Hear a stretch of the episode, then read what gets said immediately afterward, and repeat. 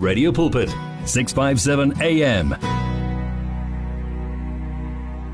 Jesus, you are my joy. Jesus, you are my light. Reason basifaka mnandi kulesi sigaba sokugcina njengoba ke selishayile elesine ihora 8 after 4 o'clock ngiyabonga ukuthi ukhethe lo msakazo siyabonga ukuthi ube ngumkani uphinde ube ngumsizi wansuku zonke sila ku medium wave 657 ungasithola na ku DSTV audio bouquet 882 na ku um OpenView channel 607 noma download iRadio Pulpit app ku makhala kokhuini wakho. Ukuze ke uhambe nathi kuphi na kuphi la ukhona. Yabona nje iselfone uhlezi uyiphethe kuwena so kusho ukuthi usuka uphethe noma uhamba nomngani wakho your daily companion.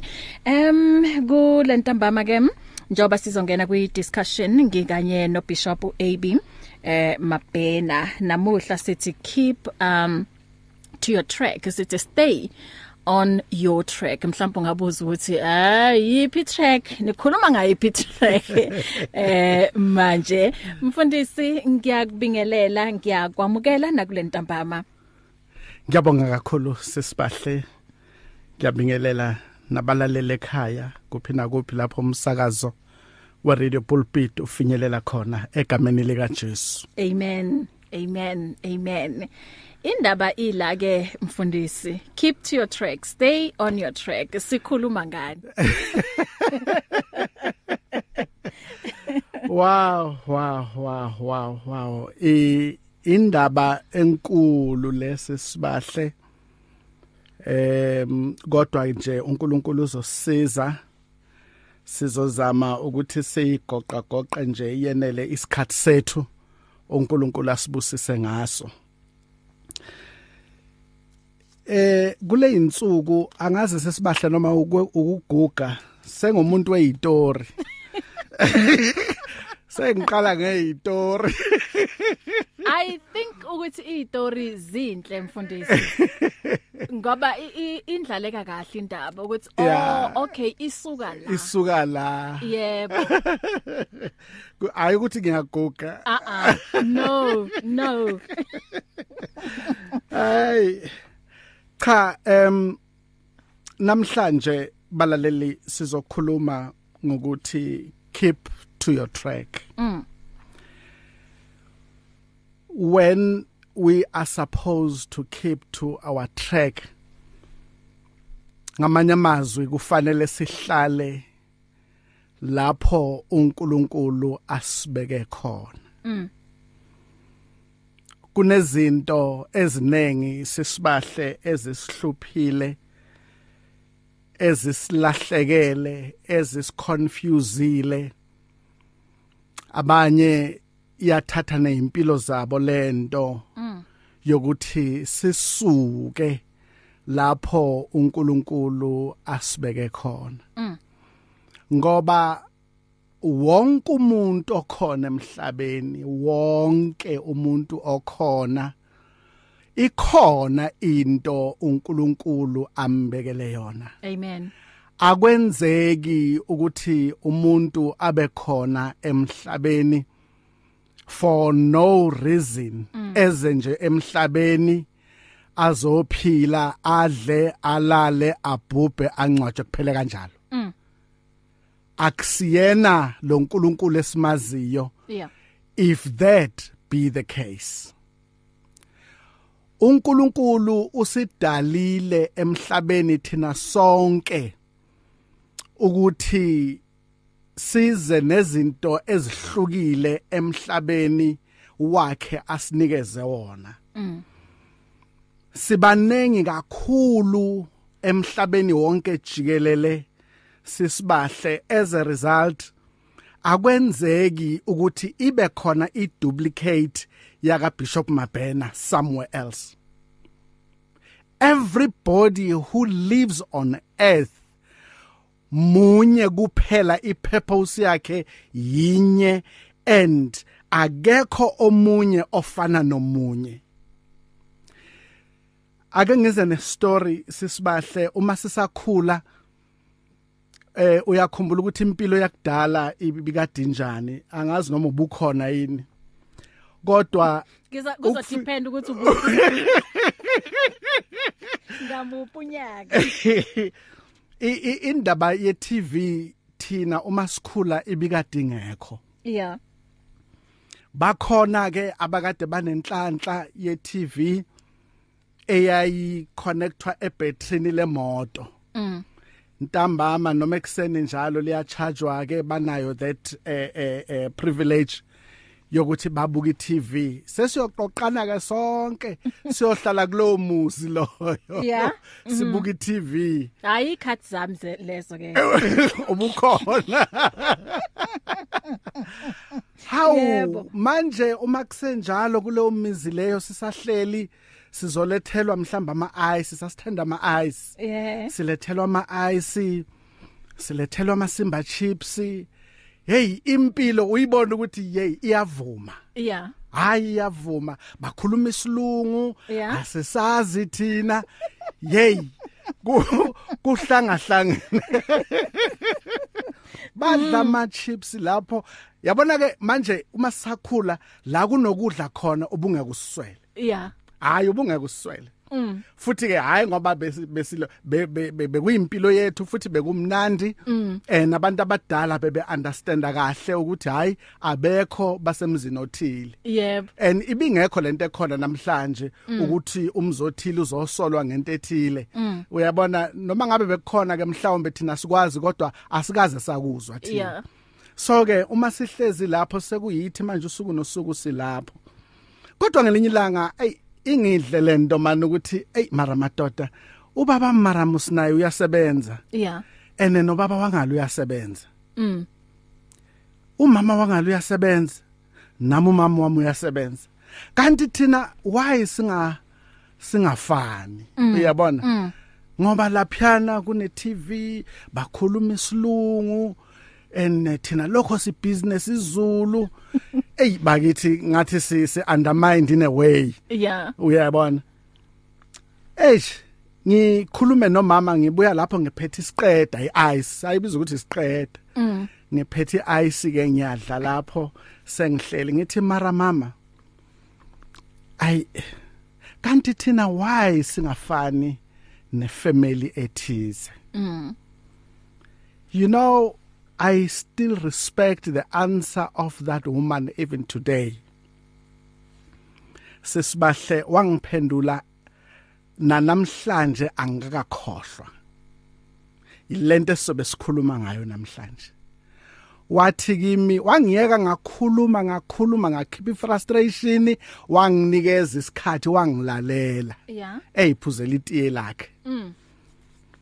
Uma sekezongiphendula wathi mntanami yabona ake uvule isandla sakho.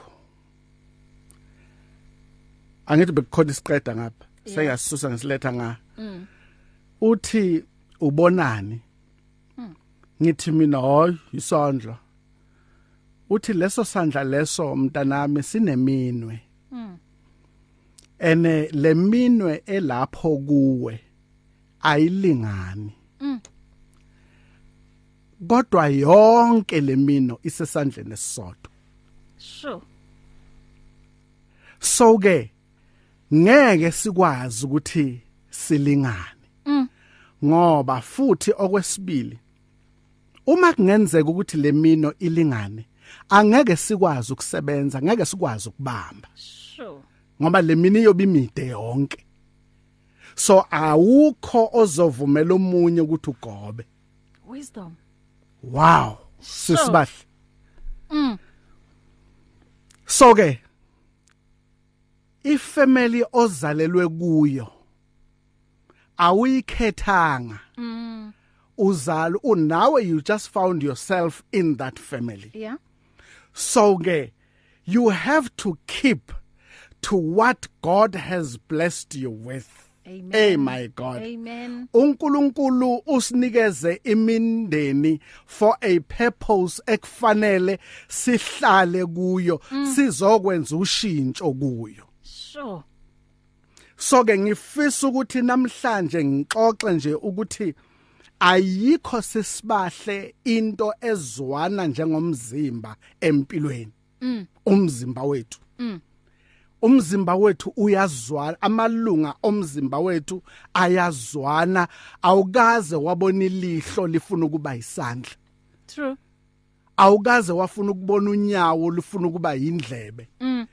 And ngendlela amalunga omzimba ethu sisibahle athandana ngayo enye nje yezwa ubhlungu umzimba wonke uyahlangahlangana ngendlela amalunga omzimba wethu azwana ngayo. So ke yonke into ekhona emhlabeni remember ukuthi we are all destined ukuthi siyofika endleleni ethile. Amen. Kodwa sisibahle uNkulunkulu akashonga ukuthi endleleni siyohlangana nani. Ah. Sonke sine goal sonke sinamaphupho ngisuke eSprings ngiza ePretoria. My destination was radio pulpit. Kodwa he did not tell me ukuthi endleleni ngizoba nephancha Yeah. he did not tell me ukuthi endleleni kuno driver ozongethuka endleleni. He did not tell me ukuthi endleleni kuyophela upetrol mhlawumbe. Kodwa uyazi ukuthi uma bhena ePretoria kufanele ayofika. Afike. Yeah. Sonke emhlabeni ngifuna ukukhuthaza yilona loyo ukuthi sonke sine sine destination ekufanele siyofinyelela kuyo. Inkinga ukuthi omunye nomunye uzoba namahams wakhe azowathola endleleni. Akusho ke ukuthi asishiye lapho uNkulunkulu asibeke khona. Yo.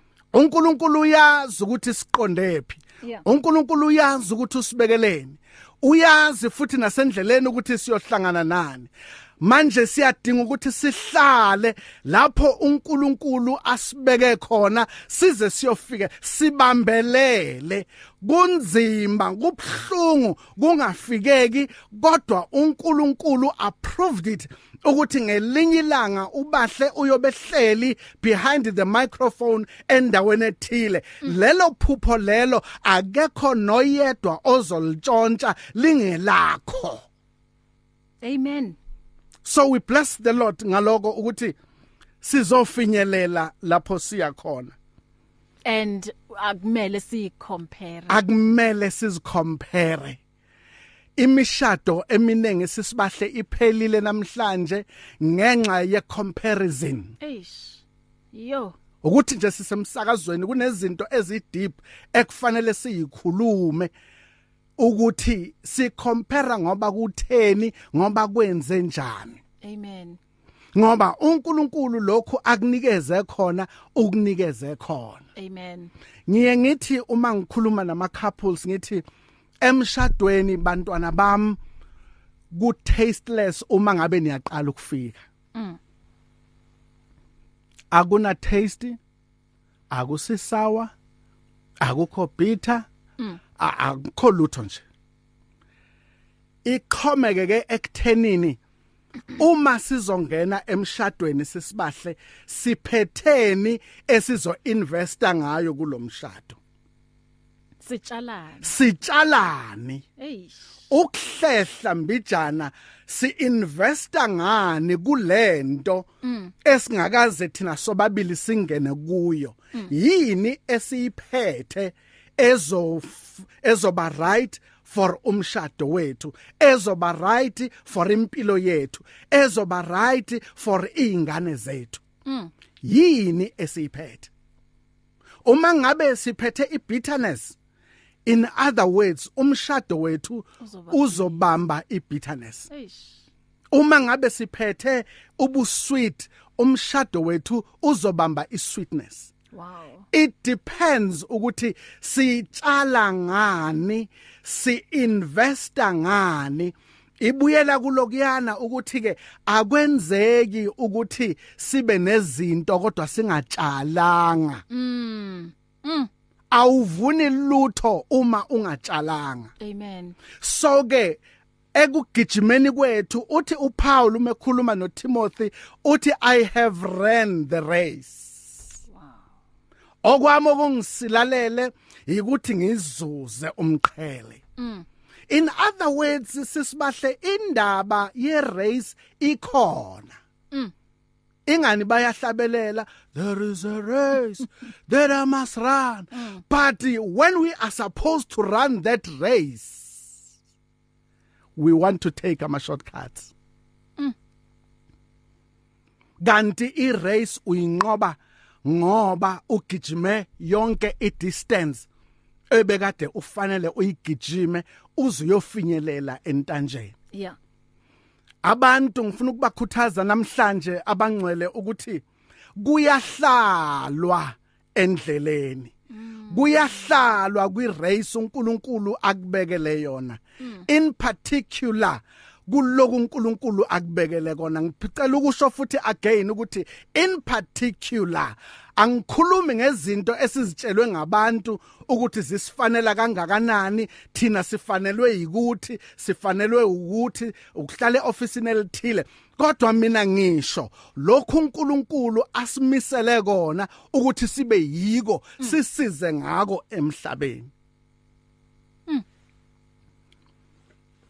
uNkulunkulu uinvestor ngento enkulu kabi lapha.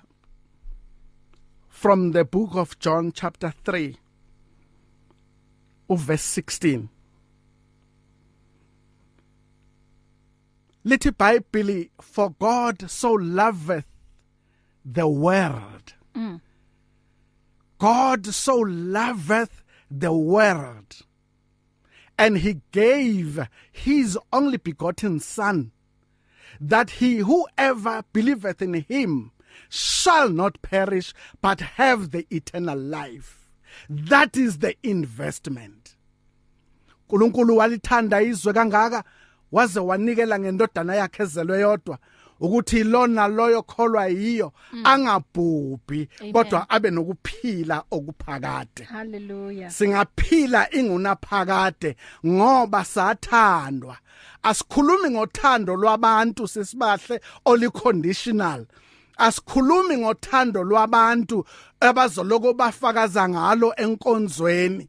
Asikhulumi ngothando lwabantu abazoloko bekukhumbuza ukuthi ngelanga elithize ngakwenzela ukuthi kodwa ngikhuluma ngothando lukaNkuluNkulu ngoba umhlaba ubungeke kube nalo uthando if uNkulunkulu ebengenalo uthando. Amen. Lithi iBhayibheli uNkulunkulu walithanda izwe kangaka and ezweni kukhona abantu. Mm. so we are the beneficiaries of that love. True. So sinento esingakhuluma ngayo esayithola ekuyi beneficiary esingama beneficiary kuko akekho noyedwa sisibahle oyosihlukanisa nothando lukaNkuluNkulu. Lithi iBhayibheli from the book of Romans chapter 8 uverse 35 lithi iBhayibheli who then can separate us from the love of Christ? Can trouble do it? Or hardship or persecution or hunger mm. or poverty or danger or death as the scriptures say for your sake we are in danger of death at all times mm. Mm. Mm. vele siqushiwe sesibahle yebo vele siyadingeka embusweni wobumnyama vele sibhekiwe we are targets that is why nemishado yethu ibhekiwe. Imisebenzi yabakholwayo ibhekiwe. Kodwa because we have this love leku esinalo akekho noyedwa ozosihlukanisa nothando lukaNkuluNkulu. Sithandiwe thina iinvestment yethu. Kuyophela mhla singene ethuneni futhi mhla singene ethuneni yobe kukuthi ukuphila uKristu ukufa kuyinzuzo. Siya kubaba siyobonana nabafowethu wow. Thanda uNkulunkulu asinikeze lona. Mm. thanda uNkulunkulu asembathise lona. Uthando olukhona encwadini kaPeter ukuthi ake sifunde mhlambe sisibahle sifunde first Peter u chapter number 1 u verse 22 mm. First Peter 1 verse 22. Yes. Okay.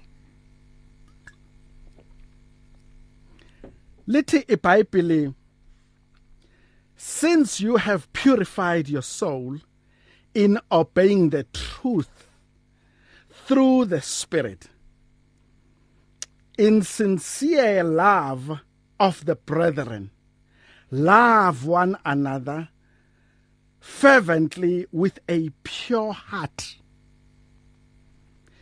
Having been born again wonke umuntu who is born again not of corruptible seed but incorruptible through the word of God who lives and abides forever. Because all flesh is grass and all the glory of man as the flower of the grass. And its flower falls away but the word of the Lord endures forever. Amen. Hallelujah. Mm. sisibahle sinento esiyiphiwe futhi esiyikhuthazwayo namhlanje which is love. The incorruptible seed that God has invested in us. Uthando. Omunye umbhali uthi uthando lusibekela inqwaba yezono. Amen. Noma ngabe kwenzakaleni but if we have love ake ngibhekise kumphakathi wangakithi ake ngibhekise kumabandla angakithi ake ngibhekise kubazali bangakithi ake ngibhekise kubafundisi ake ngibhekise emhlabeni nje wonke jikelele. Ukuthi ngabe lukhona uthando was it necessary ukuthi ngempela abantwana bethu ba rage yini? Mm.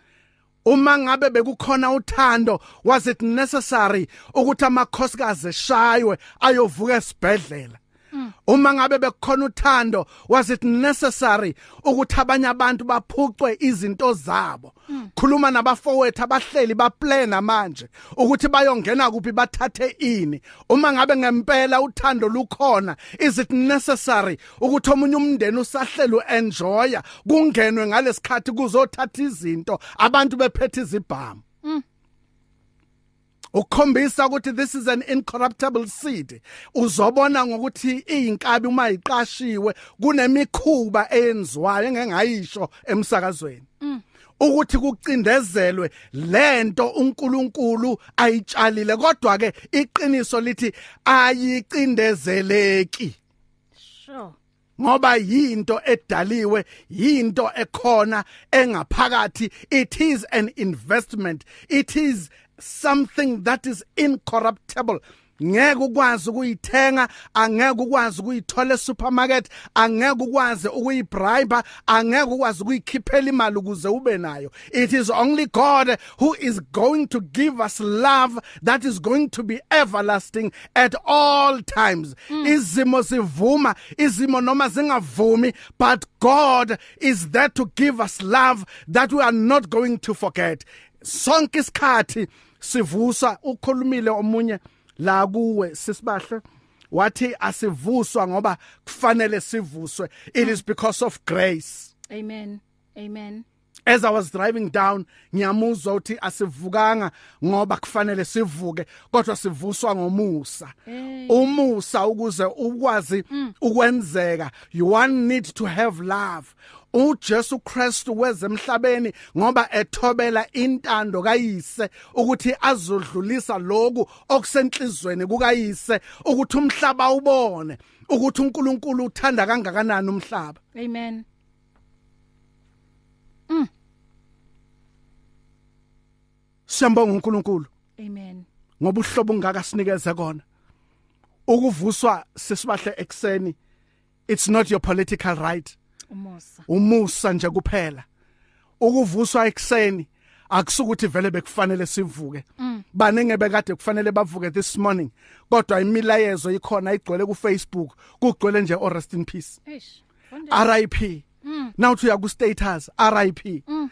aba hayi ukuthi bebangathanda ukuvuka kodwa kungenxa yomusa ukuthi thina sivukile futhi akuyona into esingaloko si- si- si- siqhoshela abantu ngayo as if impilo ke yethu iBhayibheli lithi all flesh is as grass and all the glory of man as the flower of the grass mm. and the grass withers and it flowers its flower falls away Amen. ngamanye amagama impilo yethu ingaphela noma kunini. Impilo yethu uNkulunkulu angayishintsha ayenze noma yini. Ingako iBhayibheli lapha la siqeda ukufunda khona lithi love one another. Mm. Ukulimala komfowenu kube ukulimala kwakho. Uma usacabanga ukuthathela omunye unkosikazi umyeni wakhe uzombeka emzini wakho. Awumkhombisa uthanda uyamlimaza uyambulala. Ngoba kunezingane lapho. Mm uyapi lapho kunezingane uyapi lapho kunomuzi khona? Sure. Besikhuluma ngenkonzo ebalulekile inyanga ephelile inkonzo yabo mama kodwa ngisasho namanje sisibahle uma abomama bengathandana mm ngiyakholwa ukuthi yonke lento ekhona emhlabeni ingaphela. Amen. Abomama ke bame beyifundise nje ukuthi cha mm. Uma ngabe noma ngabe kuvela ini ebalinga kangakanani bayifundise nje ukuthi bathi cha. No. Bathi nje cha ba- banqabe ngabo. Mm. Ngoba nalabo abezayo sisibahle abezi ngoba bebathanda basuke kunonto ethile abayibonayo abangazuza kuyona. Yeah. True. Emva kwalokho bamshiya kanjalo. Kukanenge nje futhi ukuthi abantu bakuthande kusesekhona ubaba ekhaya. Kodwa mhla waphuma waqondana naye ngqo uyoqala ke akubiki ikati abikibuzi akasatholakali. Mm. But the love that men are promising kubo dadwethu alufani nothando lukaNkuluNkulu. Hallelujah. Uthando lukaNkuluNkulu alulimazi uthando lukaNkuluNkulu liyasibekela. Uthando lukaNkuluNkulu liyafudumeza. Uthando lukaNkuluNkulu liyathanda ngempela. Uthando lukaNkuluNkulu lunamandla ukuthanda futhi ngaso sonke isikhathi. Ekuhluphekeni uNkulunkulu uyakuthanda. Ebunzimeni uNkulunkulu uyakuthanda. Kuko izimo zonke ongena kuzo ngeke kwenzeke ukuthi uNkulunkulu angabi khona. Angeke kwenzeke ukuthi umoya oyingcwele engufakazi angabi bikho. Kunjalo. Mm uNkulunkulu wethu osithandile sisibahle.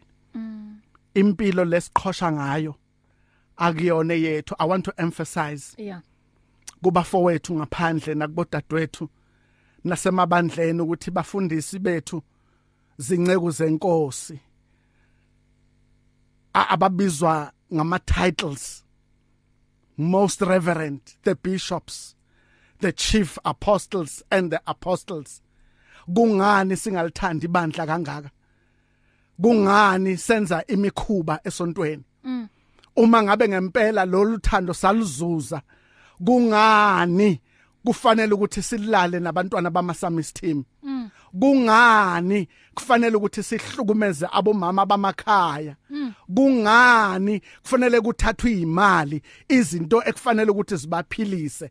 U- udla kanjani in your bishop's court wazi ukuthi imali ifike kanjani? Kubhlungu kuyamangalisa. Ngempela. Kunabo malume abathenjiwe esazi ukuthi thina umalume ungumama. Uma uhleli kuye uswele umama uzokufudumeza. Umalume uzokuphatha kahle kodwa at the end of the day umalume ozodlengula umchana umalume ozojika izinto. Umalume ozophuca abantwana amafa abo. Umalume ozohamba ayogila imikhuba ukuthi abantwana bangatholi izinto zikadadewabo. Kungani? Because kune investment yeah. esiyinikeziwe ekufanele siyisebenzise. Ngiyafisa ukuthi namhlanje sikhuthazane sigqugquzelane ukuthi uthando lele salunika asilusebenzise kahle. Sabizwa ukuthi singabantwana bakaNkuluNkulu. Ubuhlungu kufanele sizwelane. Yonke into ebhlungu engiyizwayo sikhumbula ukuthi nomunye umuntu uyabuza ubuhlungu. Sicabangelane. Ilithi iBhayibheli love one another. Amen. Asithandaneni. Indaba yamabandla ahlukile ayisho ukuthi kube inzondo. Kuhluke nje sisibahle into ezithile kodwa kusho ukuthi masizondane. Makuqala kungena isayoni siyaqala siyakhuluma. Uma kungena beyigubhu siyakhuluma. Uma kungena ama keyboard siyakhuluma. Kungani kanti kuzondwana kangaka? Kungani? Ngoba thina kutshalwanga kithi inzondo kutshalwe uthando. Amen. Yasikhuza namhlanje umbhali ukuthi let us love one another. Mm. asithandaneni ngoba impilo lesiyiphilayo akuyona yethu siyibolekiwe. Angathi ngomhla kokufa uthola ukuthi imisebenzi ayikho esandleni. Asikwazi ukusho lutho phambi kwenkosi. uJesu Kristu noma engummeli angazi ukuthi uzokumela thini ngoba siyobuzwa abazalwane. Lithi iBhayibheli from the book of Revelation. Ngabona abancane nabadala bemi phambi kwesihlalo sobukhosi. Sisibahle we are all going to be judged. Sonke siyoma. Whether unemali whether unamali whether uhluphekile whether unani kodwa sonke siyoma phambi kwesihlalo sobukhosi. Sibuzwe ngemisebenzi yethu. Lithi iBhayibheli uma singatholakala encwadini yokuphila sizofa nokufa. Sure. Yeah. Isikhathi ke mfundisi sithi 20 uh before 5 o'clock namuhla ntambama sithi keep uh to your track. So ngingasho nje ukuthi namuhla siyenza i eh i self introspection mfundisi. We examine ourselves to see ukuthi whether sisahamba yini endleleni efanele yini. yebo si sisahamba ku track yethu la uNkulunkulu esibeke khona okuwukuthi le track iyona ezosifikisa endaweni efanelekile. Efanele. Ukuze um lokho uNkulunkulu akuplanile ngeimpilo zethu kufezeke. Kufezeke. Kodwa kusho ukuthi uma ungaphuma kule track le hayi kumoshekile. Wakubona igate uma lingaphuma etrackini hey kunzima impela ukuthi uyibuyisele futhi. Ngesikhathi kumele ubize nala nabantu ukuthi bazokusiza. Yebo. Yebo. Ngoba lesinda. abazi nokuthi liphume kanjani. Bayomane babambe nje. Yebo. Yazi sisibahle ngikhumbula ngangigijima mina ungangibonise ngisilenda kangaka nje. Ngangigijima into engasuka phansi yeah safundiswa ukuthi you keep to your track. Yeah. Uma uzogijima 100 km ama 100 meters. Mm. uma ngabe kune relay nigijima ku stadium esisodwa kodwa ama tracks wenu ahlukile. Mm. Mm. uma ungatholakala ukwi track yomunye umuntu uba disqualified. Yeah. Why beku disqualify it is because u disturba uhlelo lomunye umuntu. Yes. So ke ngokuthi siphume la uNkulunkulu asibeke khona sidisturba amahlelo abanye abantu abaziyo ukuthi bayapi mm mm Njoba thina si confused nje ushintsha ama tracks uphuma ngapha ungena ngapha sidisturba uhlelo lukaNkulunkulu nepurpose yakaNkulunkulu. Sure. Mm, asithathe ikhefu mfundisi. Mhlambe lapha emakhaya bayathanda ukuthi nabo eh bafake uvo lwabo um incingo ke ngizoyivulela ku 0123341322 kodwa ngicela ukuthi sindlule ngala qala ungathumela ke ne WhatsApp ku 0826572729 noma SMS ku 37871 Be doers of the word with 657 AM. Sounds of life. The search continues for top quality South African Christian music. If you are a new artist or releasing a new CD, then send it to Radio Pulpit. For more information, please visit the Radio Pulpit website. That's www.radiopulpit.co.za. Or phone us during office hours 012 334 1200. Radio Pulpit, your daily companion. If you need prayer, please send your request to prayer at radiopulpit.co.za or WhatsApp 067 429 7564 or go to Radio Pulpit website on www.radiopulpit.co.za. Come and ask your questions, share your concerns, experiencing life on 657 AM. 0123341322 3341322 012 3338699 sithi keep to your track. Stay on your track mzalwane ngiyakubingelela sawubona? Hayi sibahle tata. Umandibulise kumfundisi wami. Molo tata. Ayi he uzigqiba sibahle umfundisi wami ixexe esithi uyayibona sibahle ile relay mhlambe iye ibe ngu 400 by 4 yes. Okanye iye ibe ngu 100 meters. Yes. Undigqiba xa mfundisi usithi unikwa ile mm and you will be taught now ukuba yigcine kanjani lane ungaphumi apha kuyo yes yes tata and at the same time unikwe ibhithi isanda kusho sibahle intengiso yakho. Uyaqomba unikwe ilane wanikwa ibhithi Eh, tata. engafuni kodwa ungayilahli lane should wayilahla ilane you will be disqualified. Eh? Or noma uye wayibamba ilane should wayilahla ibaiting still you will be disqualified eh? yes sir so gcina ilane and then gcina ibaiting hmm? so uqale futhi kakuhle uthi uqale kala lomntana atishwe eh into ba iyagcinwa ilane and then iyagcinwa ibaiting ithi ke utata egqibeni xa ndibeka phansi u- u- u- u- u- u- u- ilane mathi sibahlela ukholo mm mm I- i- ilane hlala apha elukholweni and then ibaiting sithi ngumoya oyingcwele kathixo. Eh? amen amen. Suthi walahla ibaiting kuzoshiyeka ukholo lodwa A- and alikwazi ufunctiona umoya oyingcwele engekho mm futhi nje ndiya kuthi mfuzo wami mandibulele kakhulu kuba tatam ndikhe ndathi kusibahlaba emini yazi amapolisa uba emisa imoto yakho mfundisi wami ewe tata into yokuqala baqala ke baqala kwi-license disc eh yes into yokuqala bangaya kwi-license esepokothweni baye nasemavilini arayitaro kodwa into yokuqala baya kwi-license disc le nto kamama ithi ke ngoku ukuze tatam abantu bakwazi ukuhlala ngokwendlela ethanjwa nguthixo tata kufuneka benayo i-license disc that is holy spirit apho tatam umoya oyingcwele uthando olusiqhamo esivela kumoya oyingcwele tata umtshato singawusa kwi-social worker sibahle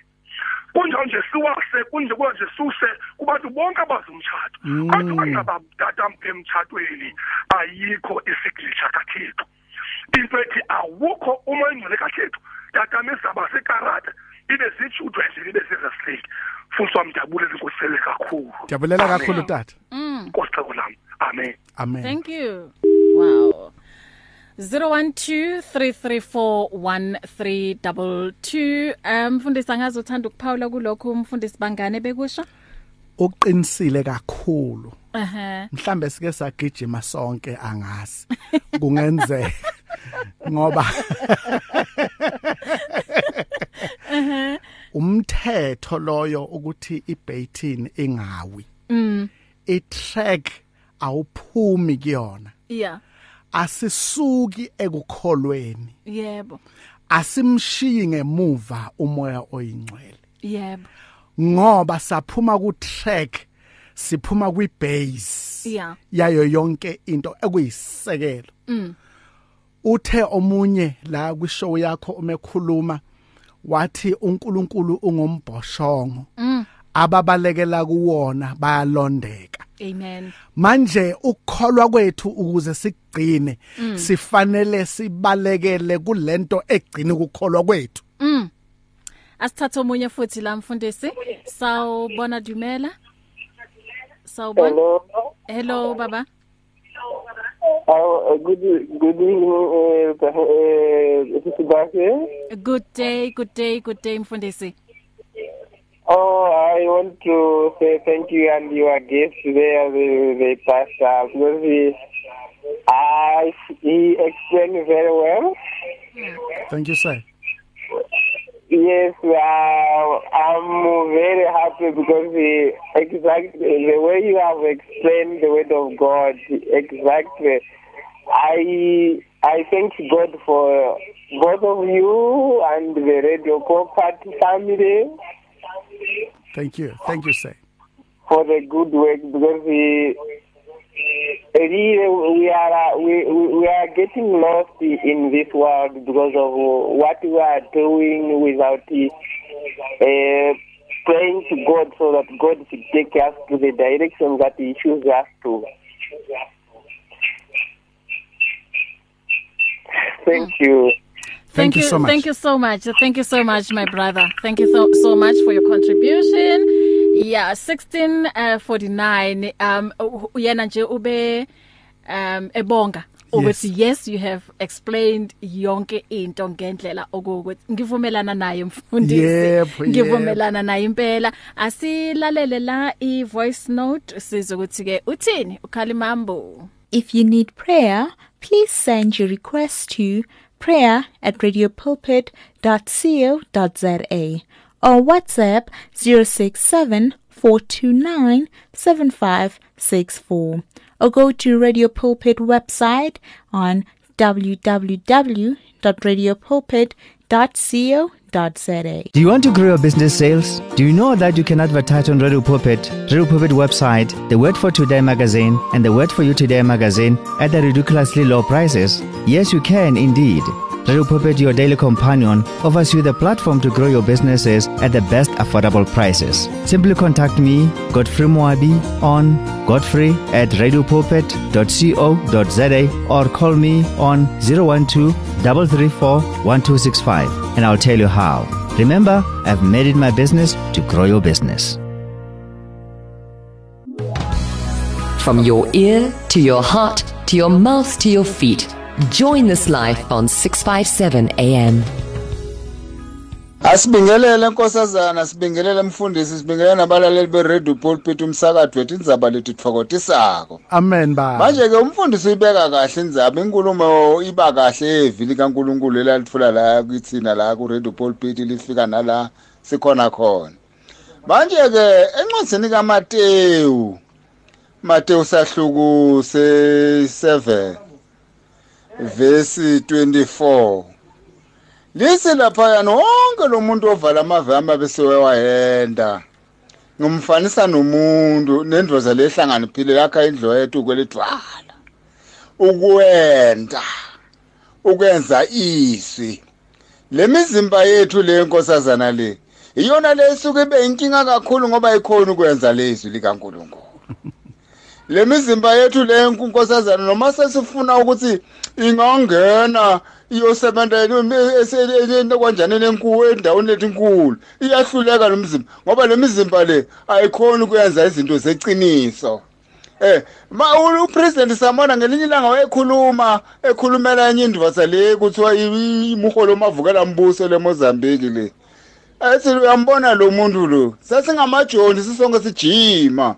Sigijima i200 km bangakubuka abekisa ngokusuka emaputu eGaza le cishe kube i200 km manje athi le ndoda le beluku yiwa la endleleni uma sigijima singamajoni sisonke. Athi ngambona ukuthi lo muntu lo uyifasista. Lo muntu lo emzimba umzimba ngoba umzimba wakhe awukhona ukuthi angaba lijoni umzimba wakhe ufuna ukuthi abe ngumakumasho upfile athole nje kuvutwa afika afake esikhundleni manje sina leyo nkinga ukuthi imizimba yethu ingakhoni kwenda liciniso imizimba yethu ingakhoni ukwenza izwi kanti mamnkosazana Kalimambo, Kalimambo. Ay siyabonga baba ngokuphawula kwakho. Um 0123341322 zisavuliwe incingo. Eh njoba ke sila kulolu daba sithi keep to your track. Ngempela bazalwane let us run with perseverance. The race marked out for us njoba izwi lisho nalo lapha encwadini kaHebrews 12 verse 11 uyabona uma ngempela si failure to stay on our track i- i- ikakhulukazi noNkulunkulu ilapho eh i pain isettlela khona mfundisi. So Yes. so the best track is with God. uNkulunkulu has a journey marked out for each of us. So asihambe nje kuyona le track okuthi eh usilungiselele yona. Okay asiye la ku uh now umyalezo lana. Uh, greetings made servant of God and the servant of God together with listeners. And yes we need to keep the right track. We um expected to keep in our Christianity but the, there's a there is a problem we have to fix which is to get rid of our own agenda which is um in line with loving positions possessions and money. Mm. sure. Um uthi la clicking doesn't uh okay all right. Okay sekakhuluma okunye lapha yana all right um mfundisi yebo i i ngiyacabanga ukuthi inamandla lento ayishoyo. Ukuthi um, uh, i, i, let us get rid of mm. our own agenda. Abantu bafuna ama positions eh uyabona nje nemali le. Hey inkinga mfundisi. yeah yeah inkinga kakhulu sisibahle. Inkinga umhlaba unje kungenxa yothando lwemali. Mm. Ake siyilungise lapho. Ingenxa yothando lwemali. Mm.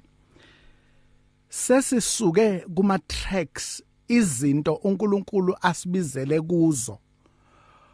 Sakhohlwa inhlobo yebizo lwethu.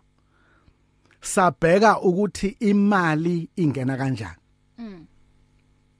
Now besazi thina ukuthi enkonzweni kuse garage mm umechanic ubelungisa ulungisa yonke inhlobo yemoto ekhona. Yeah. Noma ke sekuyaspecializwa ke akusena ndaba kodwa ke kune group ethile yeimoto mm. So besazi ukuthi olimele noma ngabe inhloboni yokulimala kodwa nakangene enkonzweni mm. uzoyithola lento ayifunayo ukufudumala lokho akufunayo uzokuthola. Yeah. Besazi ukuthi noma ngabe ugijinyiswa isigebengu kodwa wabalekele esontweni isigebengu asingeni sigcina nje ngokukhomba singaphandle. Mm. Ngoba usendaweni sikwi track abadala bebakwi track yabo yokuhlala bangasuki lapho uNkulunkulu ebebeke khona. Into eyenza ukuthi manje abafundisi babe vulnerable it is because ifocus sesishintshile ubizo akusese ubizo sekuyibizo lwemali. Now it, it, it's a problem. Esibhekene nayo akusekho ukuthi abantu beze enkonzweni bezophila. Because inkonzo indawo yabantu lapho kufanele ukuthi baphile khona bakhale khona. Yilapho kufanele ukuthi bazohlangana noNkulunkulu. Uma singake siye kancane before siqeda sisonga sisibahle from the book um 1 Corinthians chapter number 6 uverse 15 no verse 19 1 Corinthians chapter 6 uverse 15 lithi lithi iBhayibheli do you know that your bodies are members of Christ?